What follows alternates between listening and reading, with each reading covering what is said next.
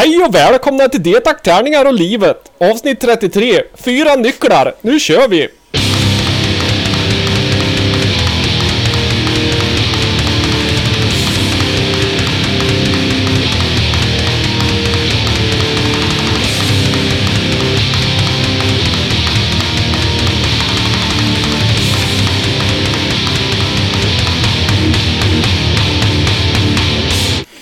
Så kan det gå. Härligt. Eh, härligt, härligt, härligt. Välkomna till Det tack, tärning och livet. Mm. Eh, en podd som görs i samarbete med Spelgeek.com, en spelbutik på nätet. Och Ofog och Motvalls, ett skivbolag för korta, snabba, arga låtar. Och eh, även denna gång så eh, i samarbete med brädspel.se. Jajamän. Och Ja, eh, tack, tack för introt eh, Gunde. Hörde du att det var va? Tack Gunde. Mm, det är precis. Mm. Och förutom Gunde så är det även jag, Niklas, som pratar i podden. Och, och du som, Imitationernas mästare Björn. ja, mannen som skulle kunna, ja, han Parnevik blir alldeles varm i kläderna när han hör dina imitationer. Ja, han klarar inte att lyssna på våra, våran podd längre. Om han någonsin har gjort Nej, det. så är det. Ha, Så är det. Yes, eh, idag ska vi ta och recensera lite spel. Och sen ska vi ta och eh, köra topp tre bisarra hobbys. mm. Mm. Mycket, mycket eh, spännande och naturligtvis Mm. jättesvårt. Ja, det var, jag faktiskt tyckte det var lite enkelt den här veckan. Jaha, ja, ja. Då, då får du eh, vara den som står för det enkla. Mm. Jag har några riktigt bra bubblare också. Så att, eh, vad, vad har du gjort sen sist Björn? Ja, varför låter du alltid så glad när du frågar det? Ja, Det är alltså, det är, det är inget fel att du låter glad. mm. jag vill veta vad du har gjort sen sist. Nej, jag har eh, fått lite snurr på webbshoppen och fått in lite beställningar på spel och sånt här. Så nu sitter jag bara och eh, väntar på att få, få hem alla spel så jag kan skicka ut till de som har beställt. Ja, vad Några har fått. Och sen så, Mm. jag kommer inte ihåg om jag pratade om det sist, men jag har ju fått eh, beställde ju sån eh, packtejp med, Mm. med Spelgeek-loggan på som jag har testat nu och den funkar. Det blir alldeles supervackert. Ja, men vad, du var tvungen att blöta upp den ena sidan för att det skulle fästa liksom. Ja, precis. Det var något sånt här supermiljövänligt eh, gjort av återvunnet papper. Ja, fan vad fint, vad duktig du är. Som är miljövänlig. Mm. Det var ju lite oväntat, men, men det blev väldigt bra ändå till slut tycker jag. Det blev snyggt. Ja, Och när det torkade så blev det ju helt nästan ointagbart, kartongen. ja, det var så till och med. Ja, Ja, Så det var bra. vart- kunden tar sig inte in i den vara som de har beställt. jag får ringa och beställa något sånt här specialämne som man kan... Mm. Ja, Vad har du så gjort då? Ja, vad jag har gjort? Jag har varit och eh, eh, kört en rejäl guilty pleasure. Mhm. Jag, eh, jag var i Oslo på konsert och eh, tillsammans med en av våra trogna lyssnare Håkan faktiskt. Och vi var på Centrum Scene och såg eh, det japanska bandet Baby Metal. All right. Mm. Vilket ju är typ ett dödsmetallband och sen är det tre japanska yngre damer som dansar så in i helvete samtidigt. Kimi no hoto ni Nej, men utan det var, nej, det är riktigt spännande och... Eh, Sen Molly, Polly, Dolly, Colly. nej, men det, det, är ju, det är så märkligt för i ena stunden så är det ju liksom nästan dödsmetall och sen nästa stund så är det liksom J-pop, treklangspop liksom. Så Ja, det är väldigt märklig musik så. Och det, det här är ju något som har, det, det delar ju lite metalvärlden det här. Baby metals existens. Antingen så avskyr man det och det grövsta eller så tycker man det är mycket intressant. Eh, den här konserten var helt fantastisk. Det var galet liksom sådär japanskt alldeles för mycket i 50 minuter. Så sjukt intensivt.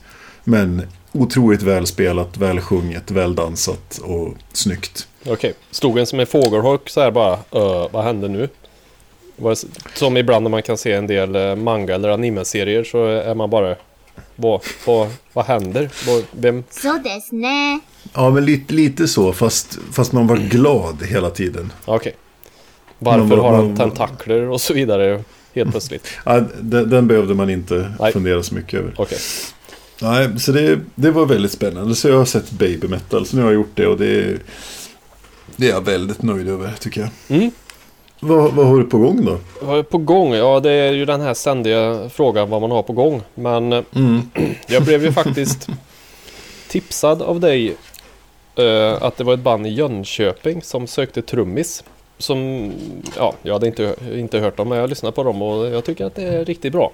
Eh, Mm. Så jag skrev till dem och tyckte att hej, jag bor inte så långt från Jönköping.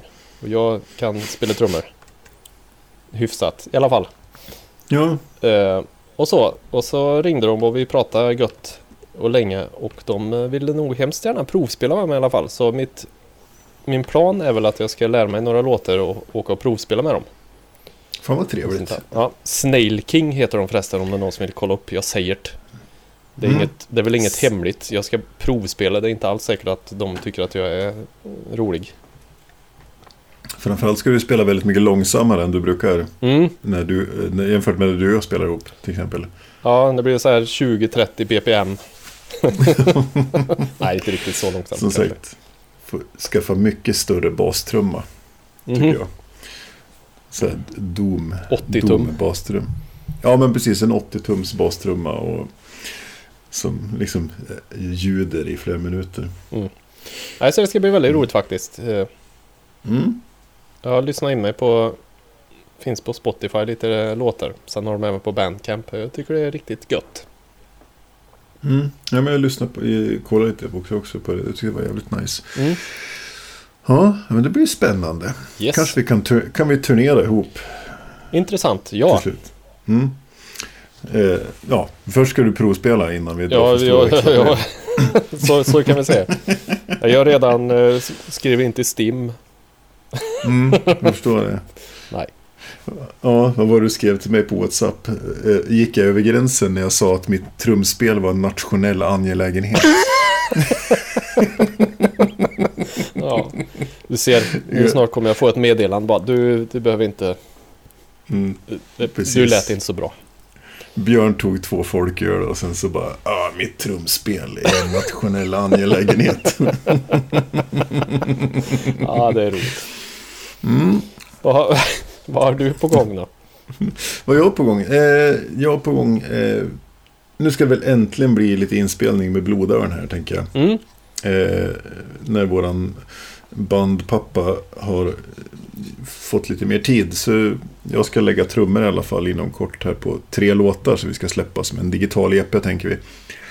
Och Okej. jag tror vi har i dagarna precis här bestämt log logga och artwork faktiskt. Det ska vi, det har varit jävligt bra. Så det ska vi väl släppa snart här. Coolt. Ja, jag har en, en konstnär så jag, eh, vi får väl outa honom när vi har presenterat det lite grann. Så Ja, jävligt duktig kille i England tror jag. Han är ifrån. Som eh, ritar och målar och har gjort jävligt snygg artwork och en logga åt oss. Så, så ska vi spela in tre låtar. Försöka få gigga lite grann. Fränt. Så är det. Och sen så är jag ju just nu på semester. Och det är ju, det är ju helt fantastiskt. Jag och sambon har letat oss upp till Långberget som ligger ja, nästan så norrut i Värmland som du kan komma. Mm. Ligger ju ovanför Stöllet och Branäs. Och här finns det snö Usch då. på riktigt. Så här har det åkts längdskidor som satan. Och det är helt fantastiskt. Så det är gött. Så det blev 1,9 mil igår och 2 mil idag. Och en liten sväng i snöstormen i söndags för att jag var så jävla pepp när vi kom hit. Så att, Ja. så. Men eh, ja, rekommenderas varmt. Långbergets sporthotell. Fantastiskt ställe med massor med längdspår och en liten skidbacke och restaurang och biljardbord och gillestuga och lite, lite spartanskt sådär men, men sporthotell liksom. Som Ja. man, Bra spelbord eh, såg jag på Instagram. Mm. En gigantisk gillestuga som definitivt är gjord för att spelas brädspel. Live-rollspel och grejer. Kanske. Ja, det ska man kunna göra. Lightning Bolt. Precis. Så i söndags fick jag outgrundligt med stryk i Terraforming Mars av Sara. Mm. Det var en total förnedring. Och sen har vi precis har jag blivit förnedrad igen i Brass Lancashire. Ja, så att, eh, ja, ja, det är kul med semester. Eh, så. Ja, Och, och så har jag ont i min kropp eftersom jag åkt mycket längdskidor. Så, men eh, vi kör. både ont i själen och ont i kroppen alltså. Ja, men lite så. Mm. Det är så vi jobbar här. Sådär så. Mm. Så kan det vara. Ja, box. Eh, då tänkte jag att jag skulle spela lite musik. Ja. Det tycker jag att du gör helt rätt i. Då får jag, vore det väl dumt av mig att inte spela just baby metal. Som jag var och såg. Eftersom jag ändå tycker att de är ganska bra. Ja, så Eh. 50% av lyssnarna stänger av direkt. Om du tänker så. Ja, lite så kan det vara. Men eh, här kommer från deras eh, debutplatta faktiskt. Kommer låten Megitsune. Med bandet Baby Metal. Varsågoda, fort ska det gå.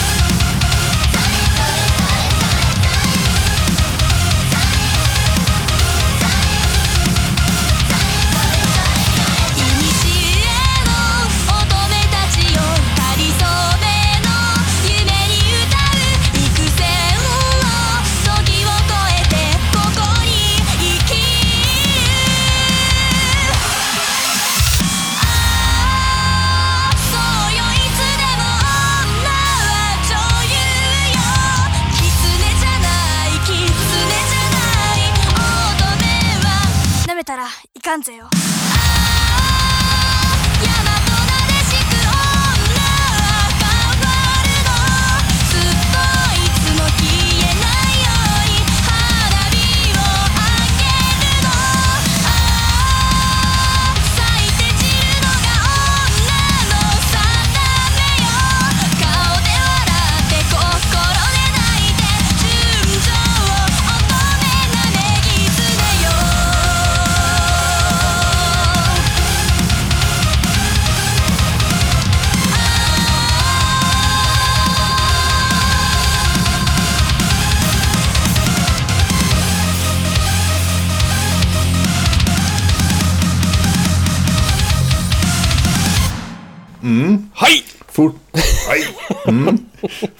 Som ögat.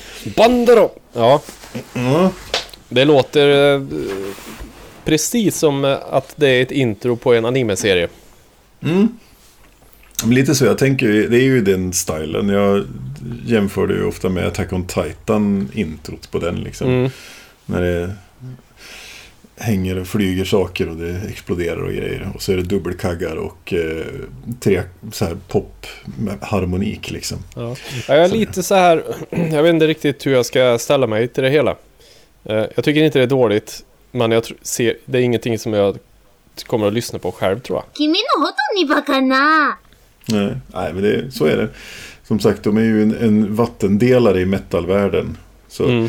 men, det, men det var ju helt magiskt att stå på riktigt ett fullsatt centrumscenen. Då hade de spelat för ett fullsatt Fryshuset, arenan, dagen innan. 1400 pers. Och så stå på ett centrumscen i Oslo. Som var helt knökfullt. Alla var där för att se. Det var allt ifrån juniorer med hörselkåpor som var två äpplen hög till liksom, ja, jag och Håkan Sven då är i någon slags halvgubbskikt liksom till äldre ändå. Mhm. Och, så, och så även folk som var fullt sminkade i full outfit liksom med tofsar och, och, och ansiktsfärg och, och såna där slang, slangar i håret liksom. Ja, men det är kanske det vi ska göra. Starta ett så här dansband som sjunger med typ Erik Rundqvist på sång som åker till Japan och spelar. Så kör vi dansbandsmusik med... Ja, ja. Vad fint. Det skulle bli... det skulle bli Aj, jag skulle inte gjort så när jag har ont i halsen. Det är så man skulle... Det kanske hade funkat. Mm, fint det. Antagligen så hade det gjort det. Eh, Kom ihåg vart ni hörde det först. När det kommer något svenskt dansband med dödsgrowl i Japan. Mm. Det är vi det. Och in, nej, nu sabbar jag allting. Så Eh, är det. Yes. Yes. Eh, då tänkte jag att jag skulle recensera ett spel. Ja, du har Eh, spelat lite. Har jag förstått. Jag har spelat lite, spelat massor. Men framförallt så har jag spelat eh, eh, On Mars. Detta Mm. fantastiska spel. Eh, eh, jag har skrivit en liten, en liten textrecension på vårat Insta och Facebookers och Twitters och vad vi nu har för sociala medier. Mm. Men eh, det är alltså spelet On Mars. Det är skapat av Vitala Serda. Honom har vi pratat om förut. Eh, Ja. Jag träffade honom på SN. Ja, just det. honom. Underbar människa, jag känner honom mycket väl. Ja. Eh, och han är ju en mästare av att skapa eh, spel som man får ont i både själ och hjärna av. Han har ju tidigare skapat spel som Vinjos och Lisboa och eh, Kanban och eh, The Gallerist och Escape Plan, CO2 och lite annat. Eh, och det var ju så att det var ju Kickstarter på den här. Så den kom ju precis efter jul den här. Eh, och för övrigt just nu så är ju Kanban Electric Vehicle ute på Kickstarter också. Om man vill. Och då kan man köpa On Mars och Gallerist och Lisboa och, och de andra. Om man vill. Så det är ett hett tips. Bra Kickstarterpriser. Okej. Men jag fick eh, då On Mars. Eh, det är illustrerat av mästaren Ian O'Toole. Så han, det han sätter sin pensel på blir ju så jävla snyggt. Mm. Eh, och, och köper man Kickstart-versionerna så får man också Deluxe-versionerna. Som är då liksom, det är så snyggt. Det är lite tjockare eh, tokens. Det är lite, det är screenprintade meeples. Det är ja, dubbellagrade playerboards. Det är en massa liksom extra fluff. Det är så jävla snyggt. Högt, produ- och högt produktionsvärde på det. Ja. Dubbellagrade bara- playboards, det är så här så att det är nersänkt i pappen så du kan lägga ner eh, pluttar utan att de åker runt. Menar du då va? Svar, svar ja. Ja, och Ifall det är någon så- som grunnar. ja, så snyggt. Så att det är men riktigt högt produktionsvärde. Så bara packa upp det här spelet var ju en fröjd. Det var ju liksom, man bara satt och... Det var ju... Ja, och så lagringsfunktioner redan från start liksom. Så, nej, Ja, okej. Fantastiskt bra. Eh, och det är då släppt av Eagle Griffon Games som släpper alla Vitala Serda-spel. Eh, Bra Mm. spelarföretag. ja, själva spelet då, det är ju ett, ett ganska långt, det är i huvudsak ett worker placement-spel. Det vill säga att man har workers, små eh, gubbar som man sätter ut på olika platser och eh, gör det som man ska göra. Det som är intressant med det här spelet då, det är det utspelar sig på två platser. Antingen är man i, i orbit, det vill säga omloppsbana runt Mars. Eller så är man nere på ytan. Och mellan de här två går det en, eh, en rymdfärja. Och i början av spelet så går den här rymdfärjan fram och tillbaka varje runda. Men man måste befinna sig på rätt plats för att få göra det finns de, de actions som har med omloppsbanan att göra. Eller de actions som har med planeten att göra. Mm. Eh, Men men Så. är det, på- är det på en varsin sida av bräde? Ja, man kan tänka att det, det är halverat så att säga. Så på vänster sida så har Okej, du ja, ja, ja. omloppsbanan. Och där finns det fem stycken worker spots. Där du kan ställa dina workers och göra actions. Och sen på högersidan så har du då eh, Mars yta. Och där har du också fem stycken eh, worker spots som du kan göra olika saker. Det som är Jag, tricket fattar, jag, här... jag tänkte att det var upp, upp och nere på spelplanen, men då fattar jag. Okej, förlåt. Mm. Fortsätt. Nej, och det som är här då, det är att i början av spelet så, så är det ju, finns det ju inga byggnader eller, i stort sett eller resurser på ytan. Så då måste man ju åka upp till Orbit hela tiden och hämta resurser som finns lagrade där i den rymdstationen. Men ju längre man kommer i spelet desto mer sällan åker den här skytteln fram och tillbaka. Och eh, desto mindre beroende är man av att åka upp till eh, rymdstationen också. Och det är lite sinnrikt hur man placerar sina workers. De blir kvar på vissa ställen så det kan bli att man råkar lämna två stycken workers i orbit i omloppsbana. Och de får man inte tillbaka förrän man åker dit igen. Så det är väldigt intrikat om hur man gör det här. Eh, och sen bygger man ju då på Mars yta. Det påminner ju i utseendet om Terraforming Mars på ett sätt. För man har ju sexkantiga brickor. Där man bygger, här bygger man ju byggnader. I Terraforming Mars så bygger man ju städer och eh, skogar och sånt där. Biomes, här, typ. Precis, här bygger man då ett antal olika byggnader. Och det här är det riktigt geniala han har gjort. Då. Han har byggt då en cykel av sex byggnader egentligen. Där den ena beror på nästa liksom. Så, så man, man bygger först en, en, en gruva. Då får man mineraler och för mineralerna så kan man bygga nästa byggnad i den här cykeln. Och så, så är det så liksom runt helt enkelt. Mm. Eh, Så Så det, det- du kan bygga senare styrs av vad du valde först, man säger. Ja, precis. Om, om du lyckas då tajma byggandet i rätt ordning så kommer du lyckas på ett väldigt, väldigt intressant och bra sätt. Men du kan ju också bli blockad av dina så kallade medmotspelare. Ja, okej. Så, så att det, är- och, ja, det är otroligt komplext. Vi har ju spelat, alltså jag har ju pluttrat mig igenom någon slags solohistoria, spelat två spelare själv.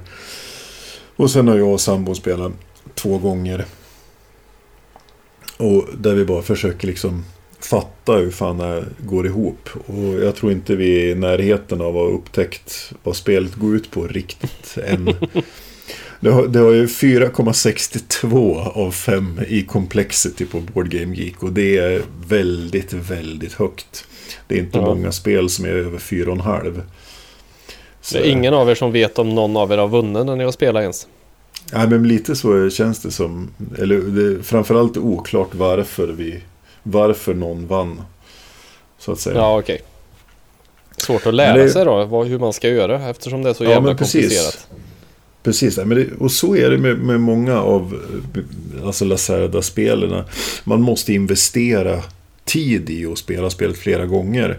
Och så är det med mycket av de alltså såna här väldigt komplexa spel.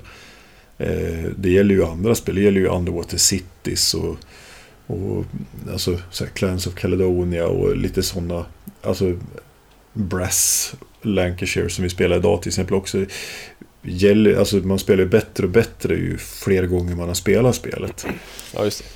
Så, så att det, och det är ju väldigt, väldigt tydligt med Vitala Serda-spelen också. Så, eh, så att jag har ju bara spelat ett till innan och det är Vinjos. Och det är också sådär att det krävs ju... Ja, det skulle jag behöva spela ett par gånger till för att verkligen fatta vad det går ut på. Ja, okej. Så. Men det är, nej, det är ett otroligt bra spel. Men, men som sagt, det, det, det tar sin, det, sin lilla tid och man kommer ju behöva... Eh, man kommer ju behöva köra det ett par gånger. Som sagt, vi, vi har spelat det två gånger, jag och sambon. Vi, vi, ja, för, första gången så delade vi det på två dagar. Så vi, då tog det fem och en halv timme fördelat på två dagar. Men det var ju för att vi läste mycket regler och pilla och fix och don. Och sen så körde vi faktiskt en sittning ett par dagar senare. Då var vi nere på tre timmar. På två Ja, okej. pers. Så när man Så. kan spela så kanske två och en halv, tre timmar då? Kan man få Ja. till. På två, Ja, men ska man säga också. Ja men precis på två. Det, det, jag tror det är någon, Det står 90 till 150 minuter på, på, på Geeken. Mm. Board Game Geek. Och jag, alltså det funkar väldigt bra på två. Men det ska vara väldigt intressant att spela på tre också. Eh, det är ju upp till fyra. Men på fyra pers tror jag också det blir tungrott att köra. Men det... Ja, Är, det, men är, det mycket, är det mycket downtime när det inte är din tur? Nej, det tycker jag inte. För att man gör verkligen... Man gör actions på actions på actions hela tiden. Jo men sen det- när- den andra spelaren menar jag. Ja, men actionsnördarna är så pass snabba. Liksom. Okej. Eh, så det, det är mer att... Så jag tror det som speedar upp spelet är att man, man har... Jag tror på tre spelare också så att då har du mer tid att planera vad du ska göra. Sen så är det som i alla worker placement-spel så är du ju alltid beroende av vad dina motspelare gör. För att du måste anpassa det till dem hela tiden. Mm. Okej. Så, så det, det krävs ju ett, som det så fint heter, ett agilt mindset. Oj, För att oj, kunna oj. an, an, anpassa sig. Jag förlorade redan innan vi har börjat spela ett sånt spel. Ja. Ja, nej, men det är min lilla korta recension av On Mars. Och det, jag tycker det är ett fantastiskt spel och jag längtar att få spela det igen. Och eh, vi ska prova det med tre spelare definitivt. En av våra kära eh, Patreons faktiskt har erbjudit sig och han, han vill gärna provspela det. Så vi ska se till Okej. att den, den gode Martin får får, får spela och njuta av detta. Få lite hjärnmassage. Ja, så kan det vara. Ja, On Mars var det. Nu ska du recensera ett spel. ja. Eh, på andra skalan av eh, komplexiteten på Board Game Geek då så har vi ju Saboteur. Mm. Eh, som då släpptes 2004 och är eh, konstruerat av Fredrik Moyerson. Mm. Reservation för uttal. Eh, det är då ett spel som har cirka 3000 olika publishers. Eh, Jävlar. ja, eller i alla fall nästan 30. För närvarande så är det Lautapelit eller brädspel.se som sponsrar det här avsnittet. Som den svensk, Lautapelits svenska division heter. Mm. Eh, och det, det här är då ett kortspel för 3-10 spelare med inslag av blufferi skulle jag eh, vilja säga. Skurkblufferi. Skurkblufferi på, eh, på riktigt. Eh, det är... Eh, spel, som spelare så är man då gruvarbetare. Mm. Eh, och man är således i en gruva och man är där för att få guld.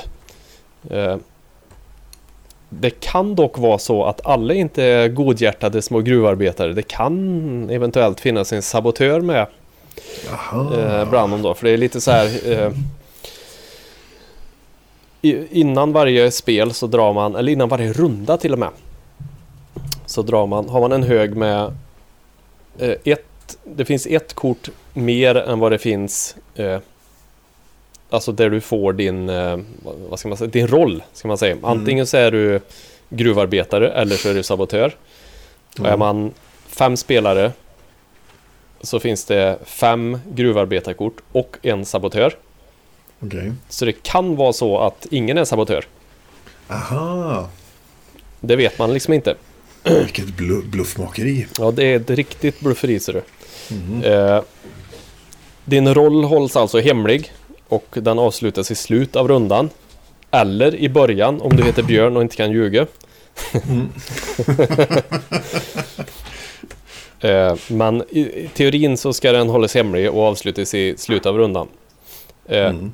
Och spelet går då till så att man Det finns ett startkort där, där man ja, börjar. Och sen så finns det tre stycken slutmålskort. Varav ett har en guldklimp på sig och resten har sten eller kol eller ja, inget som är värt att ha. Eh, och man lägger upp startkortet och sen sju kort därifrån så lägger du Man blandar då och lägger de här slutmålskorten Ett kort emellan så du har liksom På höjden om man säger Och sen så har man kort på hand då Varje spelare Mm. Eh, Och på din tur så kan du göra en av tre saker. Du kan lägga ett, ett eh, gruvgångskort, alltså du kan bygga på gruvan. Målet då är ju att ta, ta sig bort till ett av de här tre kort, eh, slutmålskorten. Mm. De läggs ju upp och ner så du vet ju inte, ingen vet ju var guldet ligger först. Nej. Så antingen så lägger man ett gruvgångskort och bygger gången mot guldet. Eller bort från guldet om man är sabotör. Eh, Mm. Så kan man spela actionkort. Eller så kan man passa. Eh, Det är de tre grejerna man har på sig. Gruvgångskorten måste man då spela intill gruvgångskort som redan har spelats. Du kan inte börja bygga mitt, mitt i liksom utan Mm. du måste bygga från startkortet. Ja, Man måste- också- måste, bygga, måste bygga på själva gruvan så att säga. Ja, precis. Det är, logiskt sett så säger det sig självt. Du kan ju inte börja gräva en gång ja, Mm. mitt inne i berget. eh, den måste alltså matcha de gångerna som redan ligger också. Sen får man inte spela dem på tvären liksom, utan alla kort ligger åt samma håll. Mm. Och målet för gruvarbetarna är alltså då att bygga en oförstörd väg från startkortet till slutmålskortet med guldet på. Mm. Då får de belöning i form av guldklimpar. Sabotören, om det nu finns en sån, ska alltså försöka förhindra att, eh, att folk kommer fram till guldet. För då får den Då får sabotören guld i belöning. Mm. Dock så är det ju ganska, ganska smart att inte vara alltför uppenbar från början. För då kan man ju bli motarbetad från start liksom. Det är ju bra att vänta lite. Men så, så är det väl generellt med sådana hidden traitor-spel. Mm. Jag har, har ett, ett djupt minne av eh, ett, ett, eh, ett, vad fan heter det? Dawn of Winter? Win, nej, vad fan heter det? Dead Winter. Dead Winter hemma hos mig när du och jag och Sara spelade. Ja. När jag skulle försöka subtilt vara sabotör. Och det sket. Ni, ni fattar på en gång. Ja, vi frös ut. Det är ganska friskt, det vill jag, har jag för mig. Ja. Precis. Ja, jo, men, nej, men så är det. För eh, till exempel de här gruvgångskorten, då bygger man ju på bort emot eh, där man, guldet finns. Mm. Eh, sen kan man också lägga actionkort som gör antingen så kan du, man har ju utrustning också allihop, så du kan lägga, lägga så att jag förstör din lampa liksom, till exempel. Jag Okej. tror att du är sabotör så jag förstör din lampa. Och då kan man eh, också lägga kort som eh, reparerar lampan till exempel. Ja, man kan lägga på sig själv, man kan lägga på andra, alla de här korten. Mm. Man har en hacka, en lampa och en gruvvagn. Om någon av dem är trasiga så kan du inte bygga på gången Nej, För- förrän du har lagare. Ah. Eh, därför är det också ganska bra att inte vara alldeles för uppenbar i början för då kan ju alla gruvarbetare motarbeta dig om de vet att du är sabotören. eh, det finns även kort som gör att du kan Dort titta på ett av slutmålskorten och se om guldet är där eller inte. Ja. Eh, Och sen vad du gör med den informationen då är upp till dig om du vill berätta att ja, men det är där eller det är inte där eller det är där fast det inte är där och så vidare. Mm. Eh, och så snart då en spelare har placerat ett, ett eh, man har byggt eh, den här gruvgången så den når guldet så är rundan Mm. över. Då vinner gruvarbetarna om det är så och då får man ta guldkort som belöning. Man, ja, det finns ett speciellt sätt man delar ut på så man Mm. den som når fram till guldkortet liksom den eh, den får mest. Kan man väl säga. Om, det här, om drahögen tar slut och ingen når guldkortet då vinner sabotören och då får, han, då får bara han guld som belöning. Eller Ja, okej. hen ska vi säga. Mm. Eh, och då sen när allt guld är utdelat så shufflar man om rollkort och alla andra kort lägger upp spelplanen igen och kör igen. Så då kan, ja, då kan det ju bli en ny sabotör eller ingen sabotör eller så igen. Så kör man Ja, tre runder och sen räknar man guldet och den som har mest guld vinner. Ah. Snabbt och enkelt. Snabbt och enkelt och eh, otroligt roligt måste jag säga. Mm. Eh, jag rekommenderar eh, skarpt det här. Det är ju inget du sitter och spelar kanske i flera timmar som vanligt men det är liksom ett riktigt roligt fillerspel. Och som sagt mellan Mm. 3 till 10 spelare som man kan vara ganska många på. Så det rekommenderar jag. Och eh, då får vi väl också säga att brädspel.se har varit snälla och gett oss ett sånt här exemplar som vi tänkte lotta ut. Så då får man hålla ögat öppet på Facebook-inlägg om man vill ha chansen Ja. att vinna detta. Bra grej. Mm. Gött! Så, Så, det var alltså Saboteur. Mm. Saboteur. Yes. Mm. Det kommer då bli förhoppningsvis en, eh, ett nytt litet inslag i våra avsnitt här att vi försöker recensera ett varsitt spel varje gång. Mm.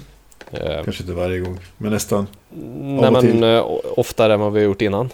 Ja, helst. Yes! Jag ska spela Grymt. lite musik. Gjort. Jag har otroligt svårt att eh, välja låtar. Och vi har ju Mm. fortfarande det här att vi ska spela låtar som folk har skickat in som kommer. Jag tycker att vi ska försöka få till det nästa avsnitt kan jag väl Ja, det tycker jag också. Avslöja tänkte jag säga. Men jag ska i alla fall spela en låt som jag förknippar personligen otroligt mycket med den fantastiska festivalen Augustibuller som var i Lindesberg förr. Mm. Som tyvärr inte finns längre. Eh, lyssna på den här när vi körde dit, var där och åkte hem. Så den, den liksom symboliserar Augustibuller väldigt mycket för mig. Och det är då Gött. Bandet Break the Silence Mm. eh, med låten Iris Spännande. som kommer här.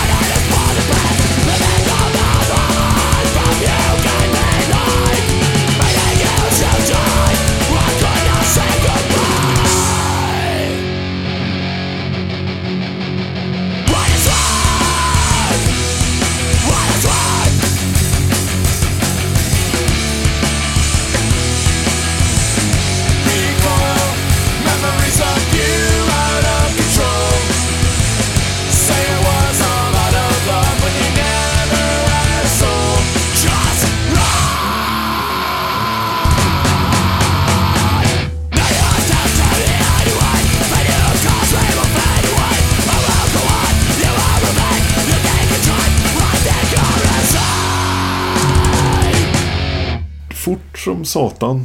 1.17. Eh, 1.17. Sen var man halvvägs framme till Lindesberg från Arvika. Ja, precis. Eh, ja, det är en, en väldigt spännande blandning ändå. Mm. Att, alltså att någonstans en, en rejäl flört med så här Birdnest 94. Ja men typ, men skatepunk fast ändå inte. Ja, och sen så lite modernare hardcore grovel liksom. Ja. Ja, Så ja det- det... Jag vet inte, det är någonting med den där skivan som, eh, som gör att jag får lite varma känslor. Det kan ju också ha med augustibuller att göra, jag vet inte. Ja, du kanske fick varma känslor. Kan väl på- konstatera att Augustibulle kanske är en av Sveriges genom tiderna någonsin bästa festival. Fan vad gött du tar det. det. det dit skulle jag vilja åka någon gång i mitt liv. Ja, vi var där, jag var där flera gånger. Det var, man blir alltid lika förvånad vilka jävla band de drog dit. Ja, just det. Det var bokningarna som var Ja, här det var helt out of this sinnessjukt. world. Mm. Det var Mm. skitsystem och det var sick och virol och det var... Oh, det var liksom Ja, fy fan vad fränt. ett sabla Ja. klös. Mm. Ljuva minnen. Mm. Så var det. Ja, då var vi framme vid dagens topp tre. Ja, Topp tre bisarra hobbys ja. skulle vi ta reda på till idag. Eh, spännande. Och jag tyckte det var Eh. svårt och du tyckte det var lätt. Ja, jag, jag fick feeling och tyckte det var lätt. Ja. Så att, eh, jag, jag har en ganska fin topp tre här. Vi, det är väl bara att vi kör. Nu blir jag lite så här, ska jag byta på tvåan och ettan? Nej, det gör jag inte. Mm. Du ska ta trean först. Jag ska ta trean först. Jaha, nu fick jag tillbaks sig. direkt där då. Eh, nej, på min trea då. Jag, Mm. då jag har, det finns en australiensisk man som heter Graham Barker. Du har ju säkert sett de här grejerna som jag säger nu också. Mm. Ja, upplys mig. Ja, det finns en australiensisk man som heter Graham Barker som har eh, samlat och förvarar hans navelludd sedan 1984. Fy fan vad äckligt. Han har, enligt utsago nu så väger hans eh, navelluddskollektion 22,1 gram. Mm. Eh. Det låter ju ganska lite egentligen. Men han kanske, det är kanske ganska fluffigt navel. Ja, faktiskt, ja, ja, det väger ju inte så jättemycket om du tar ut en sån. Men jag ser fa- fanns lite bilder på nätet också. Och där var det väldigt mycket i. Så när det här skrevs så kan han ha fått mer. Men alltså, hur får man den idén? Ja, det kan man ju fråga sig. Vad ska han ha det till? Ja, det är ju jävligt oklart. Ja, det är Ja. väl en sån här jag vill vara med i Guinness rekordbok-grej bara, antar jag. Ja, men det kanske är så. En del av de här hobbysarna kanske är det egentligen. Man vill vara med i Gunnars rekordbok liksom. Ja, ja kanske. Jag vet inte. Äckligt är det i alla Ja. fall. Jag Ja, kommer till en, en också eh, frågan, var kommer navelludd ifrån? ja. ja, det är ju förmodligen fibrer och hudavlagringar som samlas i en, Mm. en grop i kroppen. Nästa Rensar. fråga. Varför är nästan all navelludd svart? Eller mörkt i alla fall. Jag tror det är för att det är mörkt i magpipen. Det är min... Ja, och sen är det ju jävligt gubbigt att säga magpip tycker jag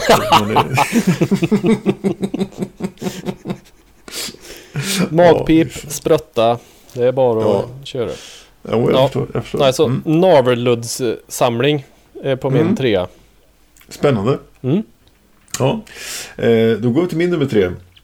Eh, och då är det så att eh, det finns då en man i Holland eh, som 2009 fick inbrott i sitt hus. Eh, och eh, problemet var att de stal hans samling av ecstasy-tabletter. han hade 2400 ecstasy-tabletter som han hade samlat på sig för han tyckte färgerna och loggorna var så fina. Men alltså, Eh, Så det Ja. här framkommer ju bara då eftersom han anmäler det här till polisen. Men hans motivering var ju då att 40 stycken av de här tabletterna, de var väldigt giftiga. Så att säga. Nu är jag hartassar i luften när jag säger giftiga. Eh, och de kunde inte arrestera honom heller för det fanns liksom inget bevis att han hade ägt de här. Så, eh, så. Men han hade då blivit av med 2400 tabletter ecstasy som han hade samlat på sig för att han tyckte det var kul att samla på ecstasy-tabletter. men fick han ut på Eh. försäkringar då eller? Ja, det, det, det gick ju inte att bevisa att han hade haft dem. Så det var väl det som var problemet. Så att eh, han, eh, som det stod i slutet av artikeln jag läste, att mannen har nu tyvärr gett upp hoppet om att få tillbaka sin samling. Vad skriver man? Vad? Åh. Mhm. Så att, eh, mm. Så det kan man absolut göra.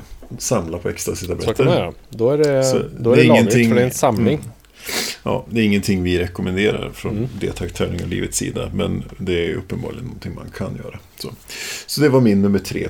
Samling av ecstasy-tabletter. Så har vi betat av Naverlud och Ecstasy på de första punkterna här. Ja, Får vi se vart det slutar. Mm. Min nummer två då.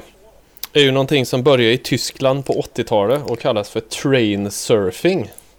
okej. Och det är precis vad det låter som. Alltså Jävligt att, farligt. att man hoppar på ett tåg utifrån och eh, åker med. Eh, Ja, ja, ja. 2008 så dog ju över 40 personer. I princip enbart män, för tjejer håller inte på med train surfing. Nej, Eh, de, för över 40 personer dog i Tyskland enbart då. Av att train surfa. Det, Mm. Ja, jag vet, inte vad jag, jag vet inte vad jag ska säga. Nej, men det, är ju kortlivad hobby för många. Ja, hur får man den? Alltså, man kan tänka sig så här, man är jätte... Inte jätte, jo, jätte. Jättefull och tycker att det är en bra idé. Så är ju... ju fullare du är desto mindre är väl risken att du lyckas, antar jag. Det är Ja, så här dålig kombination rakt igenom. Det måste ju vara en, bara adrenaline rush deluxe liksom. Ja, I fem millisekunder innan du inser att du är en blöt fläck på utsidan av ett tåg. ja men lite så. så här, tittar upp och får en bro i pannloben. Ja. ja. ja. Näst, nästa hobby. Bridge Mm. sur headbutting. Bridge headbutting, ja, precis. Det är de Den som är vi- bra på trainsurfing. Som går över den. Det är Ja. som är bra en gång på trainsurfing. Mm. Ja, tågsurfning. Mm. Mm. Eh, min nummer två är då eh, en japansk konstform. Mhm. Som heter... och Det, här, nu, det är konstigt att det här vart jag lite fascinerad och sugen på faktiskt. Okej. Eh, det är någonting som då heter Dorodango i huvudsak. Och det, det är japanska för mud dumpling. Alltså eh, lerdumpling. Och, Ah, okej. och, och, det, och det här har då fått en avart som heter då Hikaru Dorodango. Som då är att en, en glänsande Dorodango. Eh, det går helt enkelt till så att man tar lera. Och så formar man en boll av den här leran.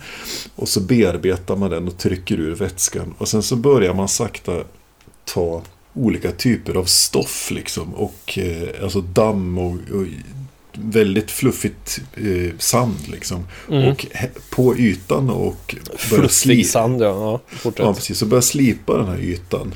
Så att till slut så blir den helt slät. Och till slut så kan man faktiskt få den så den blir helt glansig beroende på vad man använder för material här. Och, och det här verkar vara någonting som är, är liksom, ja, som, en, som ett hantverk liksom. Att man sitter och polerar små jordklumpar. Eh, och så kan man styra färger och textur med, med vad man använder för olika material. Man kan använda så här magnesium och, och man kan ha sand i olika former eller olika färger och såna saker. Och då får man en, en Hikaru Dorodango som man då kan... Sen vad man gör med de här jävla bollarna, det vet jag inte. Om man, man lägger dem i bokhyllan och tittar på dem när de är fina. Har med den på scenen när man spelar eh, baby metal. Kanske det. Kanske kasta dem på varandra. Ja, Vad vet jag. Ja. Men men, så var det. Så min nummer två är då Dorodango. Och Hikaru Dorodango. Hikaru Dorodango, hej! Ja. Ja, Mm. okej. Min nummer ett då. Yes. Får jag en liten uh, fanfar. Här får du en fanfar. Du, du, du, Ja. Ja, bra. Men- Jag läser nu på, det- jag läser på engelska. ja, gör det. Så får du se om du kommer känna igen det. You know what's boring? Ironing clothes. If only there was some way to combine the boring work with the soul-crushing terror of rock climbing, snowboarding and other extreme sports. Hey! Would you look at that? There is! alltså, Extreme Ironing. Det här är så jävla dumt, det har jag läst om. Det är Alltså, den har sin egen, vad heter det, International Associations. Alltså den har en egen jävla förening och allt. mm.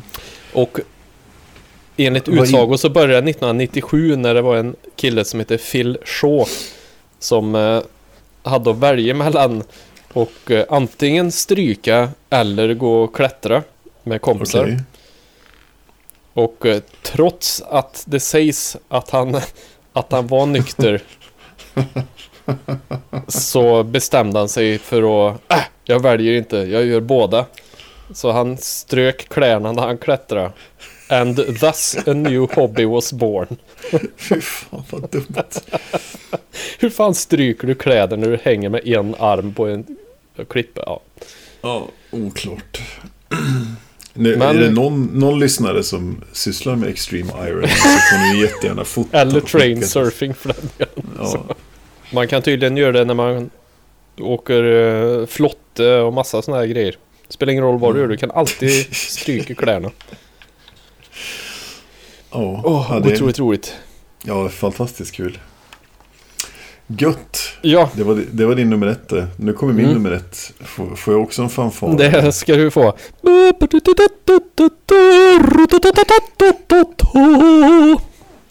Det här är då inte så många som har tror jag. Utan det är en kille som har det här som hobby. Och det är en Ja. man som heter Jonathan Lee Riches. Som kommer från Kentucky i USA. Och han, hans hobby är att lämna in stämningsansökan i federala domstolar. Och han har då sedan 2006 lämnat in 2600 stämningsansökningar till federala domstolar. Och han skjuter brett och vitt kan man säga. Eh, Jag har sett detta. han, han, han, han, har, han har stämt George W. Bush. Han har stämt somaliska pirater. Han har stämt det romerska imperiet. Han har stämt Lincoln-monumentet. Han har, han har stämt, stämt den mörka medeltiden. Eiffeltornet, Platon, Nostradamus, Britney Spears och många, många fler. 2600 stämningsansökningar. Jävlar, han har väl även stämt så här överlevare av förintelsen och buddhistiska munkar. Ja, Vill precis. jag minnas. Och, bara- och, och, och då, även de buddhistiska munkarna, så, så stämde han några random eh, buddhistiska munkar. Det var inte så här några, det var inte de där tre, utan det var various buddhist monks. Ja, just det. Man, de är ju allmänt kända för att vara stenrika, de buddhistiska, buddhistiska munkarna. Precis. Ja, Mm. så där har vi en, en hobby, att lämna in stämningsansökningar. Det går ju bara i USA då. Så, Ja, det var det var våran topp tre. det var så roligt. Jag hade, jag hade på tredje plats ecstasy-samlare, eh, två eh, små jordklumpar som man formar med händerna, Dorodango. Och stämningsansökningar på första. Och du Och jag, hade, jag hade navelludd-samlare på trean, tågsurfning på tvåan och extreme ironing på ettan. Fy fan. Så kan det gå. Så nu vet ni, Ja. om ni någon gång funderar på, fan jag har ingenting att göra. Så, men gör inte train surfing förresten. Nej, Kanske inte samla ecstasy heller, när jag tänker efter. nej. Så är det. Ja, några små bubblare kanske vi har. Mm. Det- Jag, jag, har, jag har ju tre bubblare som ligger kanske lite close to home. Men det ena är ju att äga väldigt många brädspel. Mm. Och köpa brädspel på till exempel Kickstarter och sådana saker. Det är ju en, en hobby som Ja. man kan ha. Ja. Eh, En annan hobby är att man kan köpa väldigt många rollspel som man ställer i bokhyllan och man läser dem ibland och så spelar man dem inte. Vad menar du nu? Nej, jag bara, jag bara säger en, Ja, ja, en i hobby. ja, ja, du tänker i teorin ja. ja I teorin. ja. Mm. Eh, så. Och sen har jag ju en honorable mention och det är att man kan ju samla på folkvagnsrelaterade saker. ja, just det. Då är man riktigt, riktigt jävla konstig. Mm, då är man jättekonstig. Men det får man ha. Det är Ja. fint med hobbys. Då är man inte ute på stan och godkänt. boxas. Mm. Jag har två stycken som, jag, som inte riktigt eh, kom in på listan här för jag tyckte de är ändå Jag kan ändå förstå dem på något vis. Mm. Och det är ju då Paul Yarrow i London som har som hobby och vara med på eh, nyhetssändningar på tv i bakgrunden. Så jävla genialt. Så, ja men det, det kan man ju tänka sig ändå liksom bara om han vill synas på tv bara, det förstår jag. Eh, Mm. På något vis. Och sen så har vi ju eh, mannen som jag önskar att jag hade kommit på det före honom. Chuck Lamb. eh, A.k.a. The Dead Body Guy. Hans hobby är att han tycker om att spela dö. Eh, han har ju något, är, han har en webbsida där han bara har massa bilder på sig själv när han är, när han är död. Fan vad roligt. Åh, Motivationen där är ju att han, han har ju alltid drömt om att vara med på film eller på tv. Mm. Men eh, han har ju inte... som, som han säger själv bara he, he himself ad- admitted that he has no acting experience and is not good looking. Men han har ändå så här 32 miljoner hits på sin hemsida så Kudos till dig Chuck Lamb. Bra jobbat. Mm. Gött det. Ja, men då var vi klara för idag. Ja, Fan Det var vi. trevligt.